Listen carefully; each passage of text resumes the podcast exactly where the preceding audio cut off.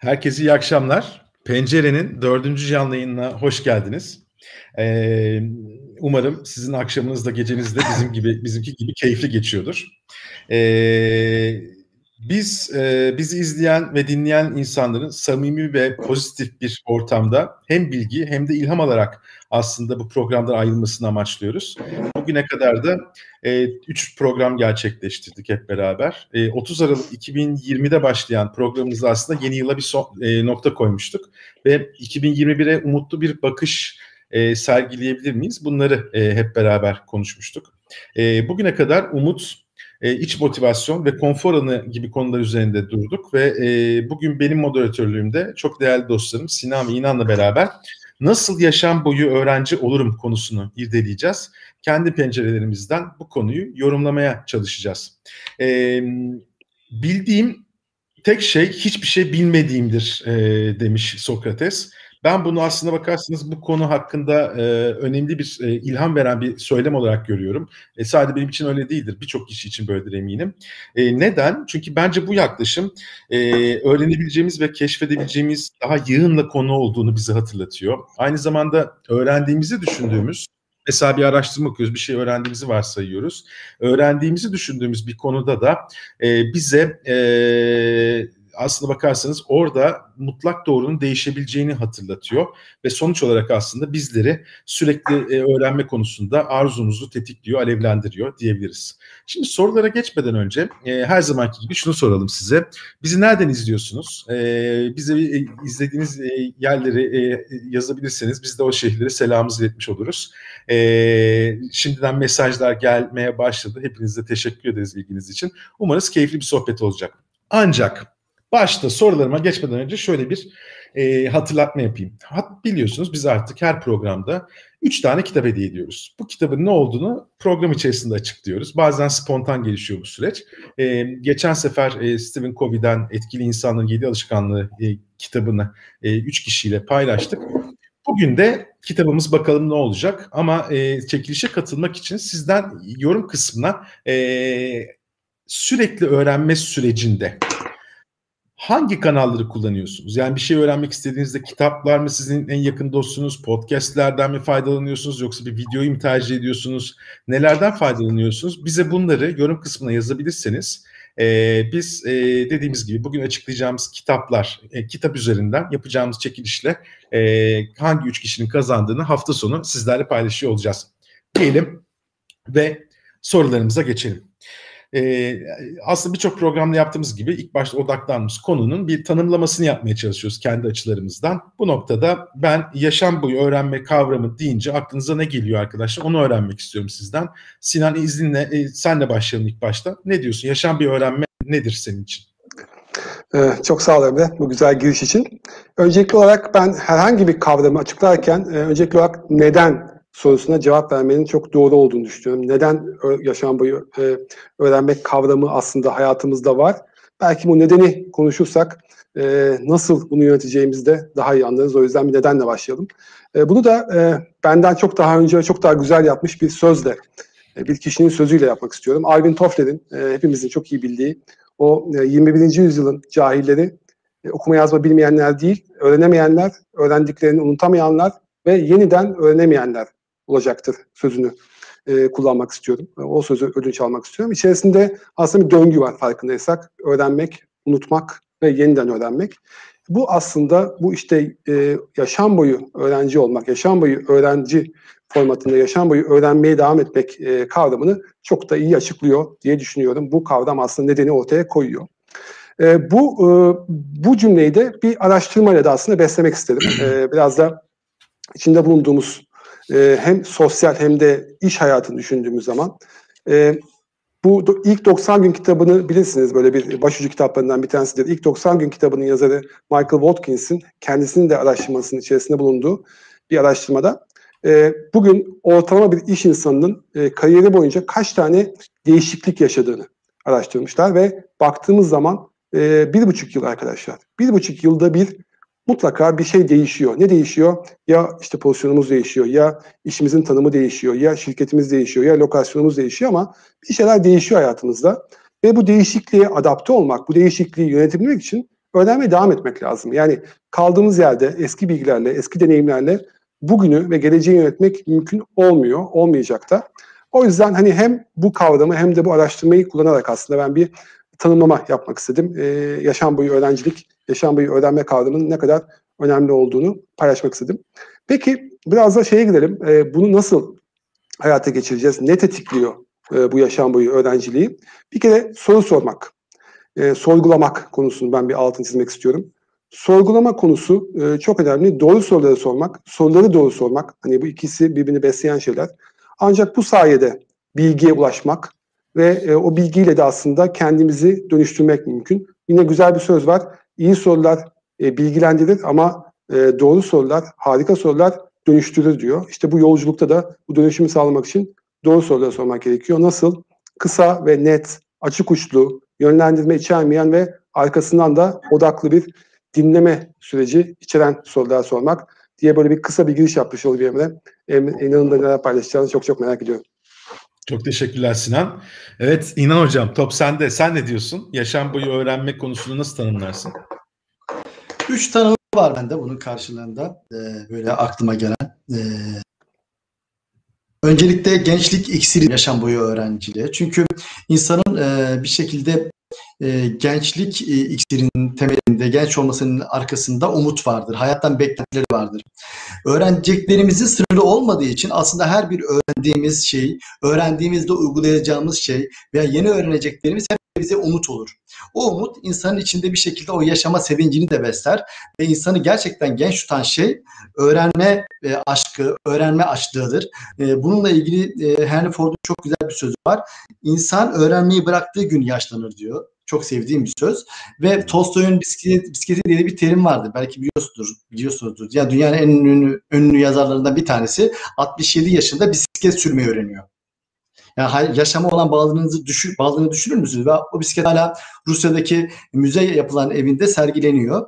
E şimdi baktığınız zaman 25 yaşında hayattan bir şekilde beklentisini yitirmiş, öğrenmeyi bırakan, bir şekilde dünyaya kendisini kapatan bir e, 25 yaşındaki birisi mi daha gençtir yoksa 70'ine merdiven dayamış ama hala bir şekilde öğrenme aşkıyla yanı tutuşan birisi mi daha gençtir? E, ben ikincisinin daha genç olduğunu düşünüyorum. Mesela İnalcık da Türk e, böyle literatüründe bunun için örnektir. 100 yaşına bastığı zaman yapılan röportajında birçok kitabını 92 yaşından sonra yazdığını bir şey pardon 92 e, kitabının birçoğunu 80 yaşından sonra yazdığını belirtiyor ve ilk kitabını 57 yaşında yazmış.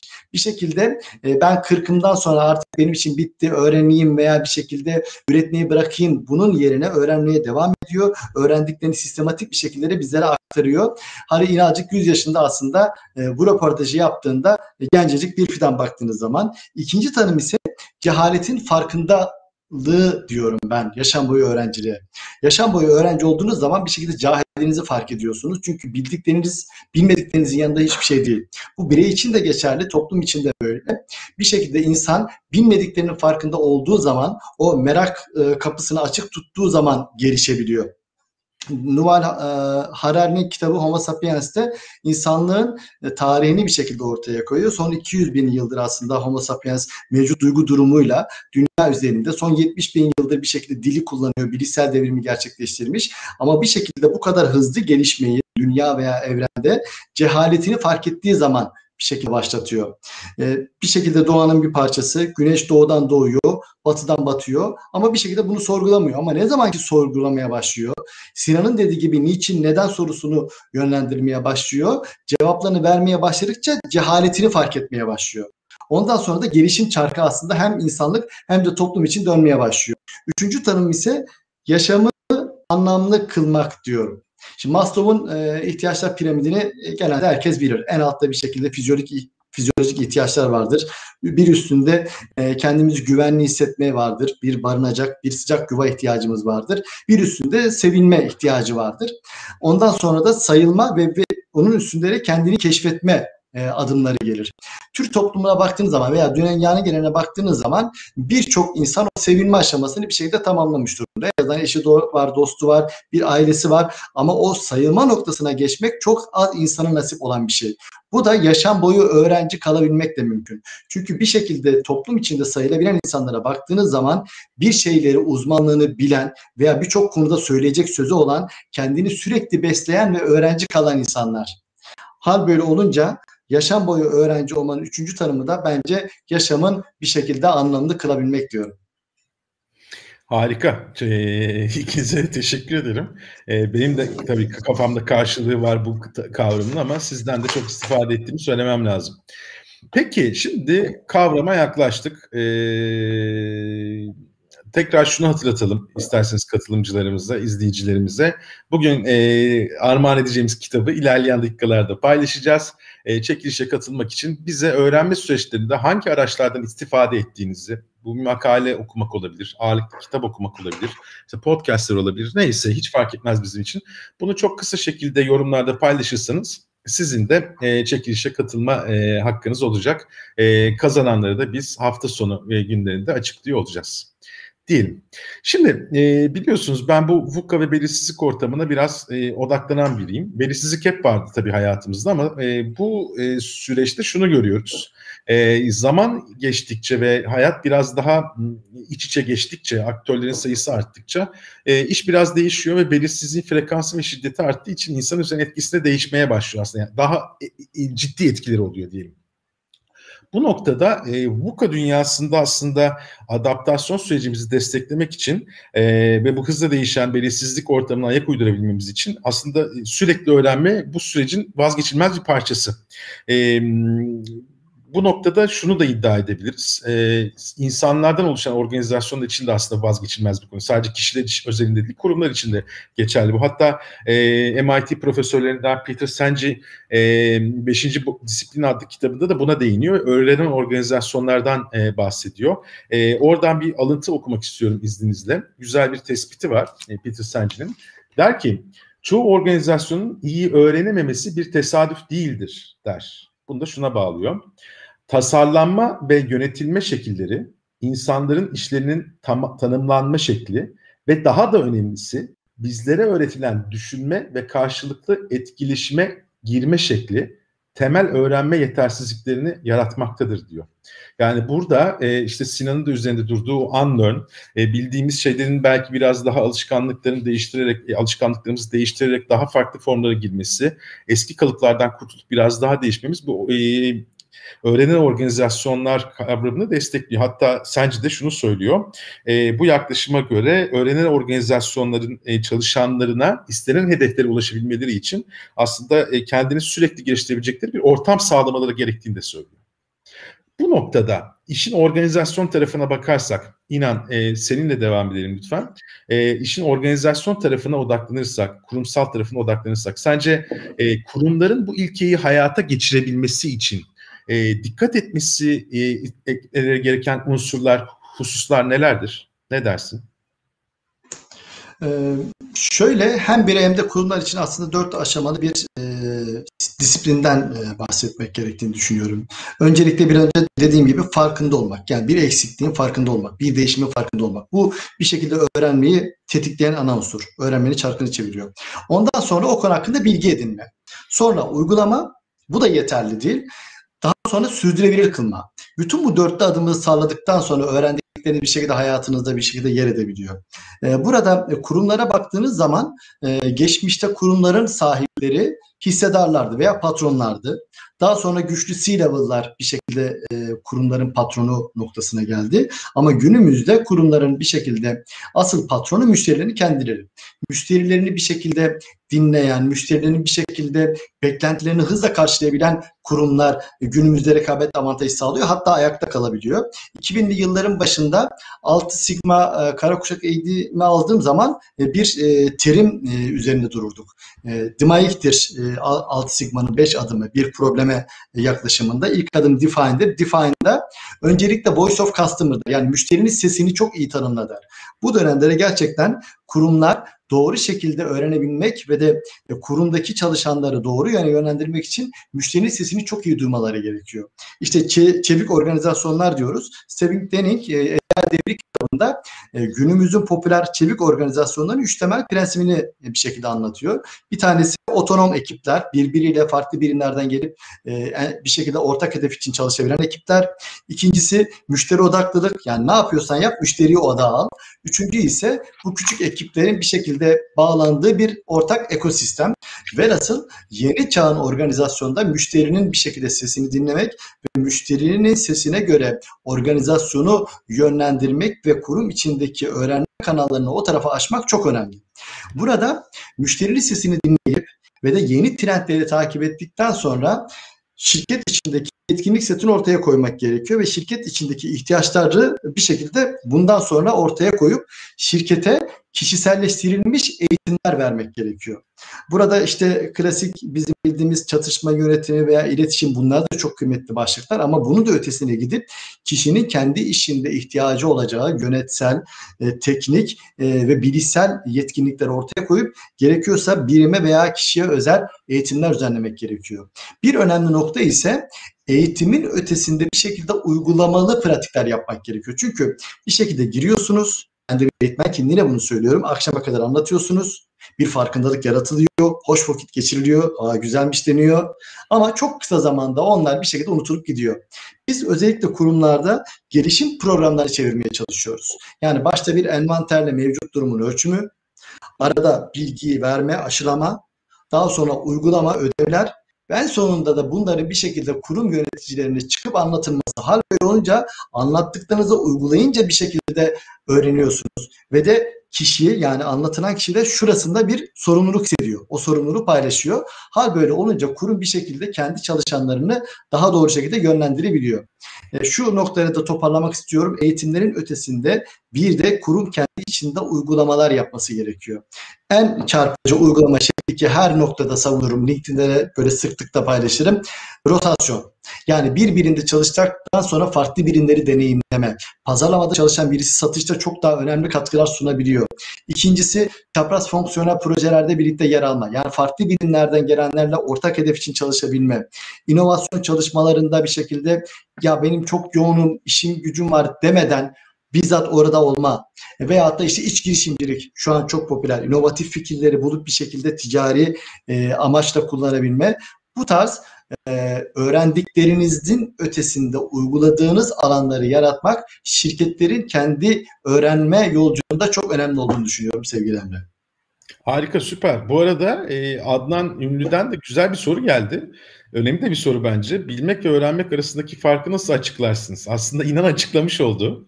Yani bir şeyi öğrenmek aslında o bilgiyi e, beynimizde bir yani depoda e, nasıl storage e, depoluyorsak onu e, ona karşılık gelirken aslında uygulamaya dökebildiğimiz zaman öğrendiğimizi hissedebiliyoruz. Siz de katılırsınız diye düşünüyorum arkadaşlar. Yani eyleme dökmek e, işin en kritik noktası diyebiliriz belki de. E, bu soruya da e, güzel noktaya da cevap almış olduk. Peki organizasyonları konuştuk. E, Sinan sana da şeyi sorayım. Şimdi bazen de hani e, ben de kurumsal tarafta çalışan biri oldum. Hepimiz öyle olduk. E, şu anda da aslında e, kurumlara e, hizmet vermeye çalışıyoruz, destek olmaya çalışıyoruz. E, bazen şeyi düşünürdüm. Bu tarafa geçtiğimde masanın bu tarafında bunu da iyice düşünmeye, biraz daha net örnekler görmeye başladım. Acaba organizasyonlardan çok şey beklediğimiz anlarda oluyor mu? Yani organizasyonlar evet bize bir platform sağlayacak e, bunu destekleyecek işte inanın da üzerinden geçtiği noktalara belki değinecek bir e, sağlıklı bir zemin hazırlayacak. Ama sonuçta sanki her şey bir yerde kişide bitiyor gibi. Bu noktada kişi olarak bizim bu e, ilkeyi yani e, öğrenen insan olma, sürekli öğrenme ilkesi hayatımıza geçirmemiz için dikkat edebileceğimiz unsurlar neler? Senden de bunları alabilirsem çok mutlu olurum. Tabii ki. Ben e, öncelikli olarak söze biraz inanın deminki verdiği pastan başlamak, pastan başlamak istiyorum. Ee, dedi ya farkındalıkla başlar her şey. Yani organizasyon boyutunda da aslında farkındalıkla başlar ama kişisel boyutu da insan boyutunda da farkındalıkla başlıyor. Ee, yine hep, hep tekrar ediyorum belki programda da söylemiş olabilirim. Hani farkındalık önemlidir ama aksiyona geçmemiş farkındalık pişmanlığa dönüşür. sözü var ya bizim işte en çok e, eğitimlerde de kullandığımız. E, o işte pişmanlığa dönüşmemesi için bu öğrenme döngüsünü, öğrenme e, sürecini iyi tasarlamak gerekiyor. Kişisel olarak da iyi tasarlamak gerekiyor. Demin inan bir Maslow'un piramidinden bahsetti. Ben de bunu bir piramit üzerinden e, anlatmak istiyorum. Bir öğrenme piramidi e, adını verdiğim bir piramit üzerinden anlatmak istiyorum. Öğrenme piramidi e, 7 tane basamaktan oluşuyor. Ve bu 7 basamağı da ikiye bölebiliyoruz. Yani bir 4 basamak ve 3 basamak ayrı alanları kaplıyor. Baştaki o ilk dört basamak aslında bizim pasif öğrenme adını verdiğimiz kesim ve o pasif öğrenmenin içerisinde ne var? İşte ders dinlemek var, işte okumak var, e, sesle öğrenmek var. Aynı zamanda görerek öğrenmek var. Yani demin yazıları da bakıyorum işte podcast dinlemek, kitap okumak vesaire bunların hepsi pasif öğrenme. Çok güzel, çok faydalı ama pasif öğrenme. Onun bir kere farkında olacağız. Öğrendiklerimizi işte o bilme aşamasından gerçekten doğru öğrenmeye, e, aktarabilmek için üzerine bir şeyler koymamız kesinlikle gerekiyor. Bu da bizim o piramidin diğer üç basamağına götürüyor. Ne bunlar? Bu aktif öğrenme adımları. Aktif öğrenmenin içerisinde mutlaka öğrendiğimiz konuyu tartışmak var. Kendimizle de tartışabiliriz, sorgulayarak. Başta soru sormak dedim ya, kendimizle yapacağımız tartışma aslında sorgulama. Ee, bir başkasıyla o konuyu bir araya getirebiliriz. Biz nasıl üçümüz konuları tartışıyorsak ne kadar büyük bir öğrenme fırsatı yaratıyoruz hem kendimiz için hem de bizi dinleyenler için. İkinci basamak bu aktif öğrenmede kesinlikle deneyimleyerek. Demin inan bahsetti. Şirketlerde de çok önemli. Bireysel olarak da çok önemli. Bir şeyi öğrenmek için mutlaka deneyimlemek lazım. Ben çok iyi bisiklete binmeyi biliyorum ama hiç bilmiyorum. O zaman bilmiyorum. Yani bisiklete binmiyorsam bisiklete binmeyi bilmiyorum. Hani o noktada Tolstoy'da buradan selam olsun. E, son e, aşama ise aslında e, bunu bir başkasına öğretmek bir başkasını öğretebilecek kadar bir konuyu öğreniyorsanız tamam artık siz o konuyu iyi bir noktaya getirmişsiniz diyebiliriz. O öğrenme sürecini, piramidini tamamlamışsınız diyebiliriz. Bir oransal olarak da izleyenlerin aklına kalsın. Bu pasif tarafta maksimum %30'a gelebiliyoruz arkadaşlar. Yani öğrenme, içselleştirme e, aşamasının %30'unda kalıyoruz. Ne zaman bu sondaki üçlüye geliyoruz? O zaman %90'a kadar bir öğrenme e, mümkün oluyor. Hani öğrenebilmek gerçekten de ancak bu sondaki üçlüyü hayatımıza katarak olabiliyor diye bir bireysel taraftan bakmak istedim. Bir de bunu e, öğrenmenin belki zıttıyla destekleyeyim. Öğrenmek ama bir yandan da unutmak gerekiyor. Unutmak e, başta, başta da bahsetmiştik. Bir öğrenme döngüsünün bir parçası. Unutacağız ki yeniden öğrenebileceğiz. O noktada da bir yine bilimsel bir araştırmaya bir e, gönderme yapmak istiyorum. Bir Alman psikolog e, Hermann e, Ebbinghaus'un yaptığı bir araştırma insanlara e, çok basit üç e, karakterden oluşan trigramlar veriyor. Yani üç karakterden oluşan anlamsız e, kelimeler dizisi veriyor ve bunları ne kadar hızlı öğrenip ne kadar hızlı unutulduğunu test ediyor. E, ve sonuç, sonuçta da bir öğrenme, e, bir unutma eğrisi adını verdiği bir teori ortaya koyuyor. Bir formülasyon da var ama formülasyon tabii ki girmeyeceğim. Bu unutma eğrisi bize şunu gösteriyor.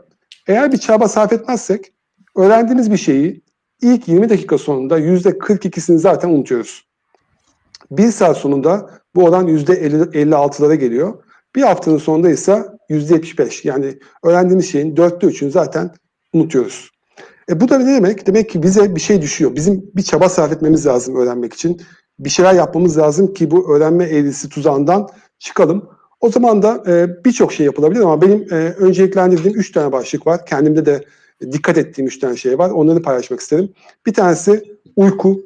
Uykuyu her ne kadar böyle az uyumakla övündüğümüz durumlar olsa da e, kesinlikle hayatımızdan çıkartmamak lazım. Emre bu konuda senin söyleyecek şeylerin olduğuna da eminim. Lütfen ben tamamladıktan sonra yorum yap. Çünkü LinkedIn'de uykuyla ilgili yazdığın yazıları çok büyük bir keyifle okuyorum.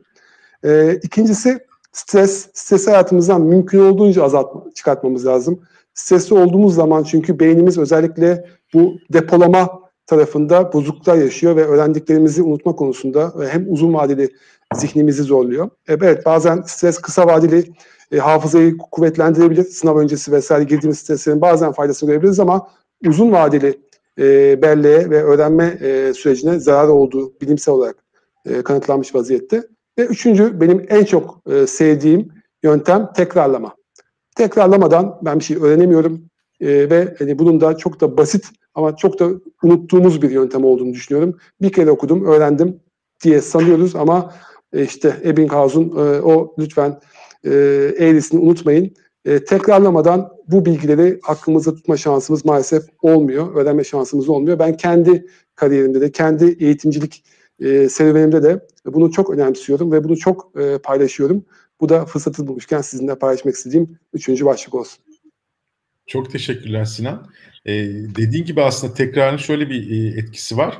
Ee, bebek yaşlarda ve özellikle ergenlik yaşlarında insan beyni salgıladığı, aktive ettiği kimyasallarla e, nöronları bilgiyle yüklerken sinaptik bağlantıları çok daha hızlı e, oluşturabiliyor. Yaş ilerledikçe bu zorlaşmaya başlıyor.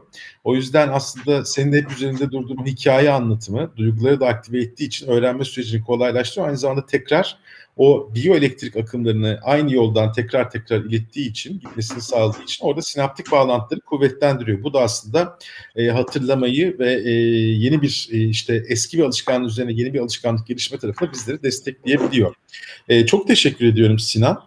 E, uyku konusunda da haklısın. Bana soft gelirdi bu konular. Eskiden işte şu kadar saat uyuyorum ben, günde ortalama bu kadar saat uyuyorum diye arkadaşlarla e, şey e, yarıştırırdık az uykuyu. Ama e, zaman içerisinde çalışmalardan görüyorum ki gerçekten uyku e, oksijen, su ve yemek kadar insan doğasını etkileyen bir konu aslında temelde e, dikkat etmemiz gereken bir husus. Harika. Bence çok keyifli gidiyor. Benim de çok istifade ettiğim şeyler paylaşıyorsunuz. Eksik olmayın.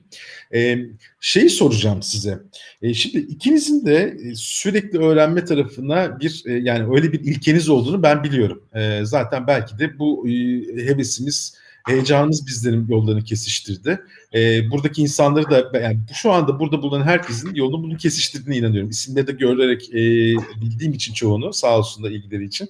Bu noktada şunu sormak istiyorum. Herkesin kendine göre bir tarzı var. Yani insanın e, söz konusu olduğu bir şeyde nasıl mutlak doğru yoksa bunun da mutlak bir formülü yok. E, bu noktada inan ilk sana sorayım izninle. E, inanın sürekli öğrenme sürecinde kendine ait e, metodu nedir? Nelerden istifade ediyor? Yani nasıl inanın öğrenme şekli e, yöntemi nedir? Bizle paylaşabilir misin? Tabii yani bir kere e, en basit yöntem benim en çok e, sevdiğim ve kullandığım yöntem kitaplar. E, yani bir şekilde e, kitaplardan e, çok faydalanıyorum ama kitaplar konusunda çok seçiciyim. E, yani bir, bir şekilde bestseller olmuş bir kitaba ön yargılı yaklaşabiliyorum. Gidip bir görmem, bir dokunmam gerekiyor.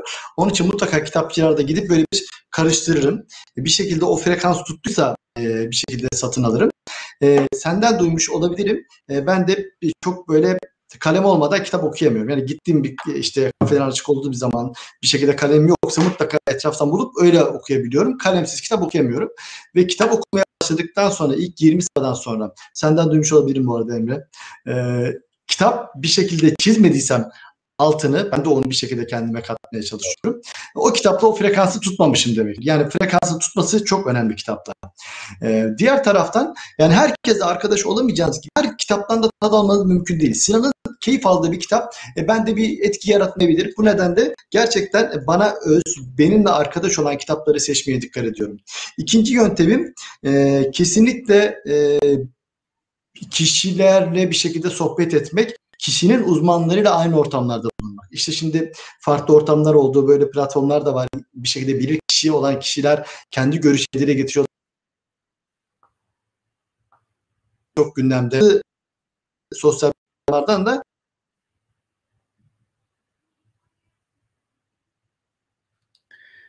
inan inan veya bir şekilde diğer harmanmış taraflardan buluyoruz.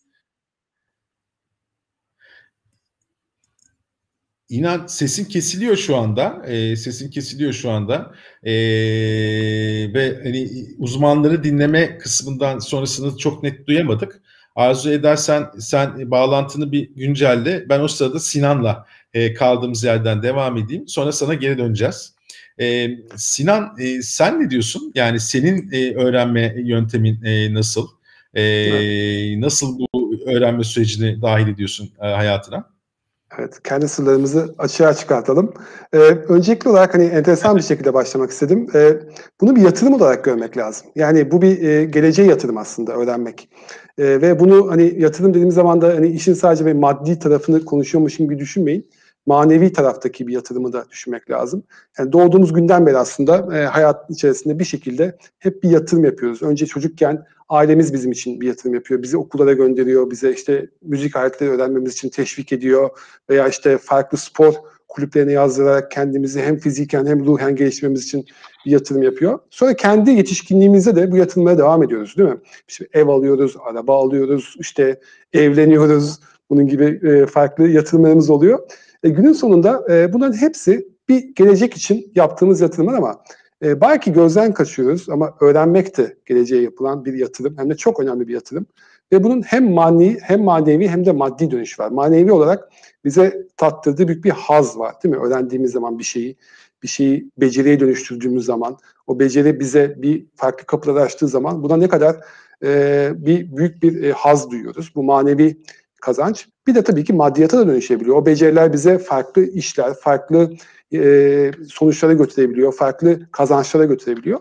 O anlamda hani bunun çok kıymetli olduğunu düşünüyorum. Bunu bir bunu bir e, bunu bir e, geleceğe yatırım olarak gördüğümüz zaman bu noktada e, bir kitaptan da faydalanmak istiyorum Emre.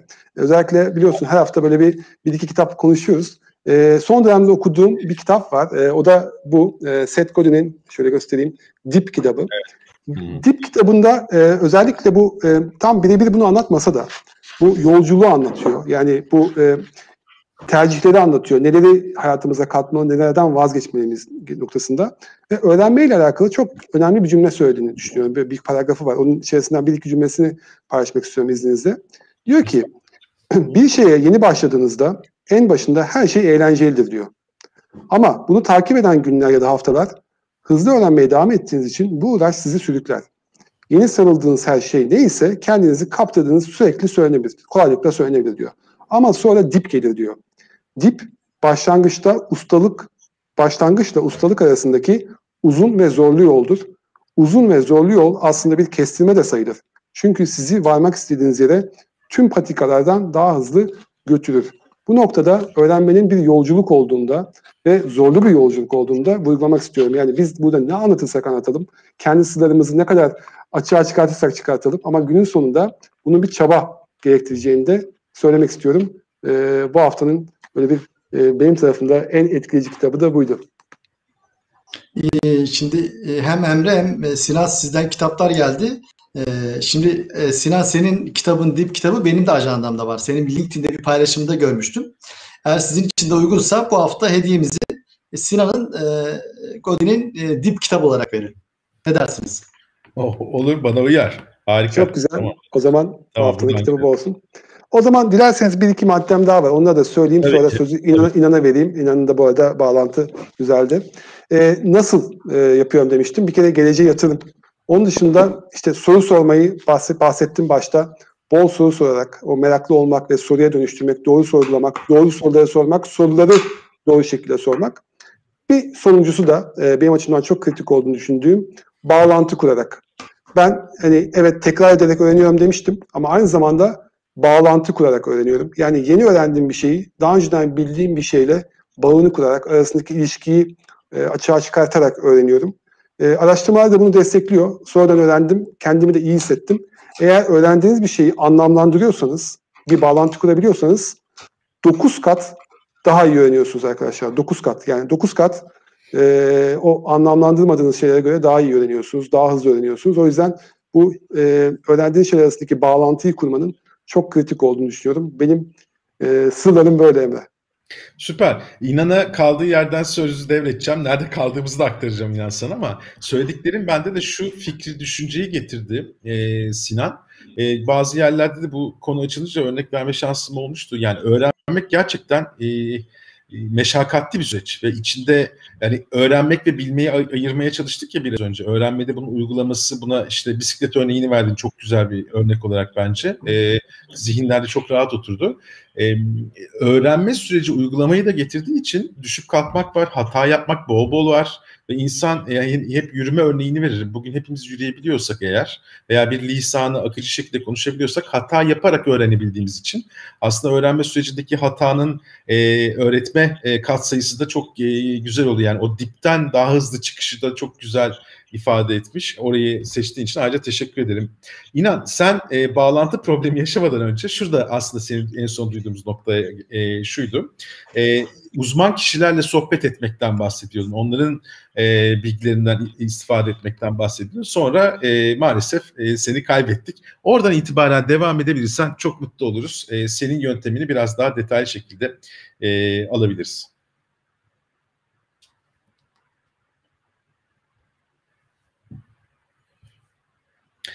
İnan e, yöntemini paylaşmama konusunda ısrarcı arkadaşlar. evet, e, inan tekrar geri geldiğinde artık e, nerede kaldıysak oradan devam edeceğiz. E, inanı beklerken sizden gelen e, soruları biraz e, yönlendirmek isterim mümkünse. E, çok fazla soru var, çok güzel sorular var ama burada gözüme e, takılan bir soru var. Enteresan da bir soru. E, Murat Soydan'dan gelmiş. E, Sinan Bey müsait olursa bu soruyu yönetmemi istemişler. Hay hay tabii ki. Her zaman sürekli öğrenme yararlı mıdır yoksa e, eski bir deyişle cahillik mutluluk mudur tarzında bir e, güzel ters köşe sorusu var. E, Sinan ne diyorsun?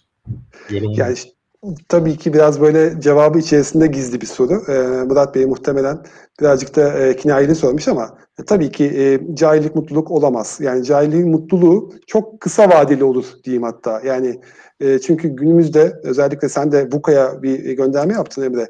İçerisinde bulunduğumuz dünyada e, bu kadar hızlı dönüşümün, değişimin olduğu bir dünyada e, bir şey araştırmadan, bir şeyler öğrenmeden, öğrendiklerimizi yenilemeden e, hayatta kalma şansımız bile az. Hani bırakın e, hayatta başarılı olmayı. O anlamda e, belki öğrenme şeklimiz, öğrenme çeşitlerimiz veya öğrenme kaynaklarımız değişebilir bu süreçte. E, ama e, öğrenmekten vazgeçme lüksümüz olduğunu zannetmiyorum. Hani başta da belki e, ilk başta da söyleyebilirdim ama şimdi yeri geldiği için söyleyeyim. Hani bu e, hayat boyu öğrenme hani bir seçenek mi diye düşünüyorsanız bu bir zorunluluk. Yani bunun bir seçenek olduğu dönemleri çoktan geride bıraktık. E, ama tabii ki herkesin kendi yoğurt işi olduğu gibi herkesin kendi öğrenme tarzı, stili ve şekli de olacaktır e, veya miktarı olacaktır. Bazısına e, daha az yetiyor olabilir, bazısına daha fazlası gerekiyor olabilir ama e, Murat Bey'in sorusunu net bir şekilde e, o maalesef artık o gemi çoktan kalktı. Bugün artık farklı şeyler söylemek lazım diye cevaplamak istedim. Çok teşekkürler. Ee, İnan'a kavuştuk tekrar. İnan e, son bir deneme daha yapalım. Ama paylaşmak istemiyorsan kendi yöntemini açıkça söyleyebilirsin bize. ya öyle öyle zaten. söyleyecek söyleyecek pek bir şeyim yok. Kitap okuyorum o kadar. Diğer gelince hemen kapatıyorum. Ama çok çabuk çaktınız. Yok aksine böyle iştahla da söylemek istiyorum yani. Ama bu sefer bu sefer olacak yani. Ona eminim. Dinliyoruz. Lütfen. E, kaldığın Şöyle, yerde bir iki dakika. Kitap okumak kesinlikle çok keyif aldığım şey. Yani kitabın kokusunu çekmek ve de bir şekilde not almak bir şekilde benim böyle baş tacım. İkincisi insanlardan dinlemek. Kişileri e, bir şekilde onlara kulak vermek ve işi bilenlere bir şekilde kulak vermek. Çünkü bizim kitaplar, podcastler vesaire insanların bir şekilde bildiklerini harmanladıkları alanlar.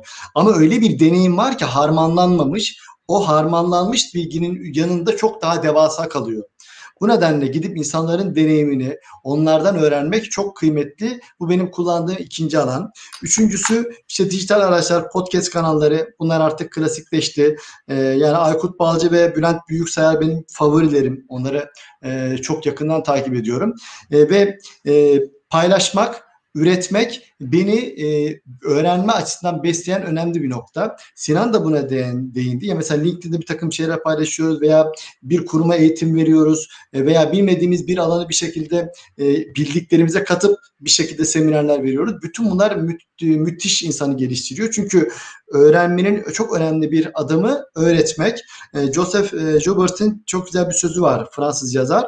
Öğrenmek iki defa öğretmektir diyor. Ee, pardon öğretmek iki defa öğrenmektir diyor. Bir şeyi öğrettiğiniz zaman öğrenmenin de bir şekilde o kasını güçlendirmiş oluyorsunuz. Benim çok faydalandığım diğer bir alan ise tersine mentörlük gençlere kulak vermek. Burada 20'li yaşların başında e, yeni mezun olan veyahut da üniversite öğrencileri bir şekilde ben kontaklar kuruyorum. Onlardan öğreniyorum. Onlara soruyorum. E, bu sadece böyle sistematik mentörlük görüşmelerin ötesinde onlarla beraber ortak proje yapıyorum mesela. Veya bir konuyu onların gözünden duyuyorum. Bu müthiş şeyler katıyor bana. E, ve e, yine son olarak e, vereceğim nokta ise uygulamak. Yani bir şekilde ben duysam da bir şekilde okusam da uygulamadıkça hayatımı anlatamıyorum. Bu konuda da fobimi hobime çevirdiğim bir e, aslında öğrenme sürecim var. Zamanımız varsa müsaadenle o anımı kısaca paylaşmak isterim. Ee, birkaç saniye içerisinde alabiliriz. Lütfen. Birkaç birkaç saniyeye sığmadı ama birkaç birkaç dakikaya sığdırırım. Tamam. Yani ben e, bir e, 240 kişinin bağlı olduğu bir e, ekip yöneticisi iken çıkıp konuşma yapmam gerekiyordu ve konuşma yaparken e, bir şekilde toplum önünde konuşmak böyle terim terim beni terletiyordu topluluk önünde konuşmak ölüm korkusuna en yakın olan korkuymuş. Benim için ciddi bir fobidir. Dedim benim bunu bir şekilde geliştirmem lazım. Bu konuda kitaplar okudum hatta sunum teknikleri eğitim aldım vesaire. Teknik açıdan kendimi donattım ama uygulamaya geçmem gerekiyor. Çünkü bir şekilde yani okumak e, yeterli gelmiyor. Nerede ben bir şekilde bunu uygularım derim. Üniversitelerin dekanlarına bir şekilde rektörlerine yazılar yazdım LinkedIn'den gelip üniversitenizde öğrencilerle konuşmak istiyorum diye. 10 tanesinden 9 tanesi dönmedi. İlk Kocaeli Üniversitesi'nden Alparslan Fığdalı kitapta daha iyi ismini geçirmişimdi. Beni davet etti. Koca bir kürsüde öğrencilere karşı konuştum. Çok da iyi değildi ama işte iş hayatına dair bir takım ipuçları paylaştım. Beğenildi. Oradan sonra başka bir üniversite davet etti vesaire. Ben üniversitelere gidip konuşma yaptıkça yani öğrendiklerimi uyguladıkça baktım ki bu fobi artık gidiyor. Keyif alıyorum bundan. Dedim madem keyif alıyorum niçin ben bunu profesyonelliğe çevirmeyin dedim. E, bir şekilde kurumsal hayatta devam ederken eğitmenlik tarafım başladı ve e, bu işin e, eğitmenlik e, veya danışmanlık veya konuşmacı olan kimliğim aslında bir fobiden başladı. Yani fobimi hobime çevirmenin bir şekilde başlangıcı öğrendiklerimi uygulamak oldu. Uygulamak en son olarak benim de öğrenme sürecimdeki vazgeçilmezlerimden bir tanesi. Harika. Çok içten ve samimi bir örnek oldu. Çok teşekkür ederim e, İnan. E, seni kesintisiz dinlemek ayrı keyif. E, bu arada artık yavaş yavaş kapatacağız ama kapatmadan önce iki tane ortak soru gördüm. İzninizle e, bunları birleştirip e, Sinan'a e, sorayım. E, İnan, İnan'ın konuşmasından sonra. Mesela e, değerli Mert e, bizleri ziyaret etmiş sağ olsun. Bu kadar bilgi bombardımanında neyin doğru bilgi, neyin safsatı olduğunu nasıl ayırabiliriz diye sormuş. E, benzer bir soru da Mustafa, e, Mehmet Ali Ceceli'den gelmiş. Öğrenme öncelikleri bilgi kirliliğinin yaşandığı günümüzde nasıl olabilir? Ben ikisinin arasında ortak bir tına olduğunu hissederek bunu birleştirerek soruyorum sana. Senden bir iki dakika içerisinde bir geri dönüş alabilirsek sonrasında ben de bir özetim kapatmak isterim. Tabii ki büyük bir keyifle öncelikli olarak sorular için çok teşekkür ediyoruz. Ee, bunun hepsini cevaplamaya çalışıyoruz ama zamanımız kısıtlı. Öncelikli olarak kaynakları doğru belirlemek diyeyim.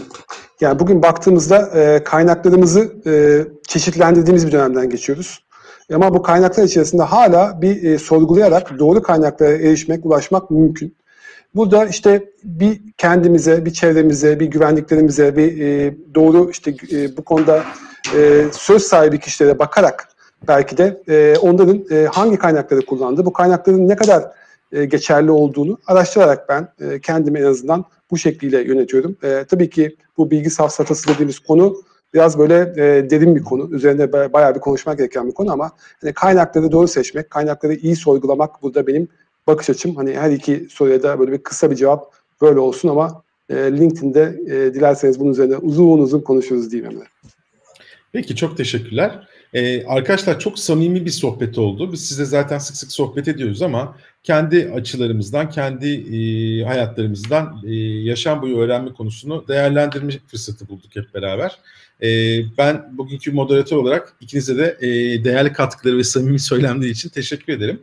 Bir kısa özet geçmek istiyorum izninizle e, kapatırken.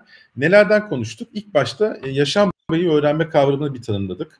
E, Sinan bunu tanımlarken güzel bir araştırma, ilgi çekici araştırma üzerinde durdu. Genesis, HBR ve IMD ortaklığıyla yapılan çalışmada e, bir ortalama bir liderin kariyeri boyunca bir buçuk yılda bir e, büyük değişikliklere e, yaşadığını e, ortaya koydu ve bu aslında o sürekli öğrenme gerekliliğini de ortaya koyan güzel bir veriydi.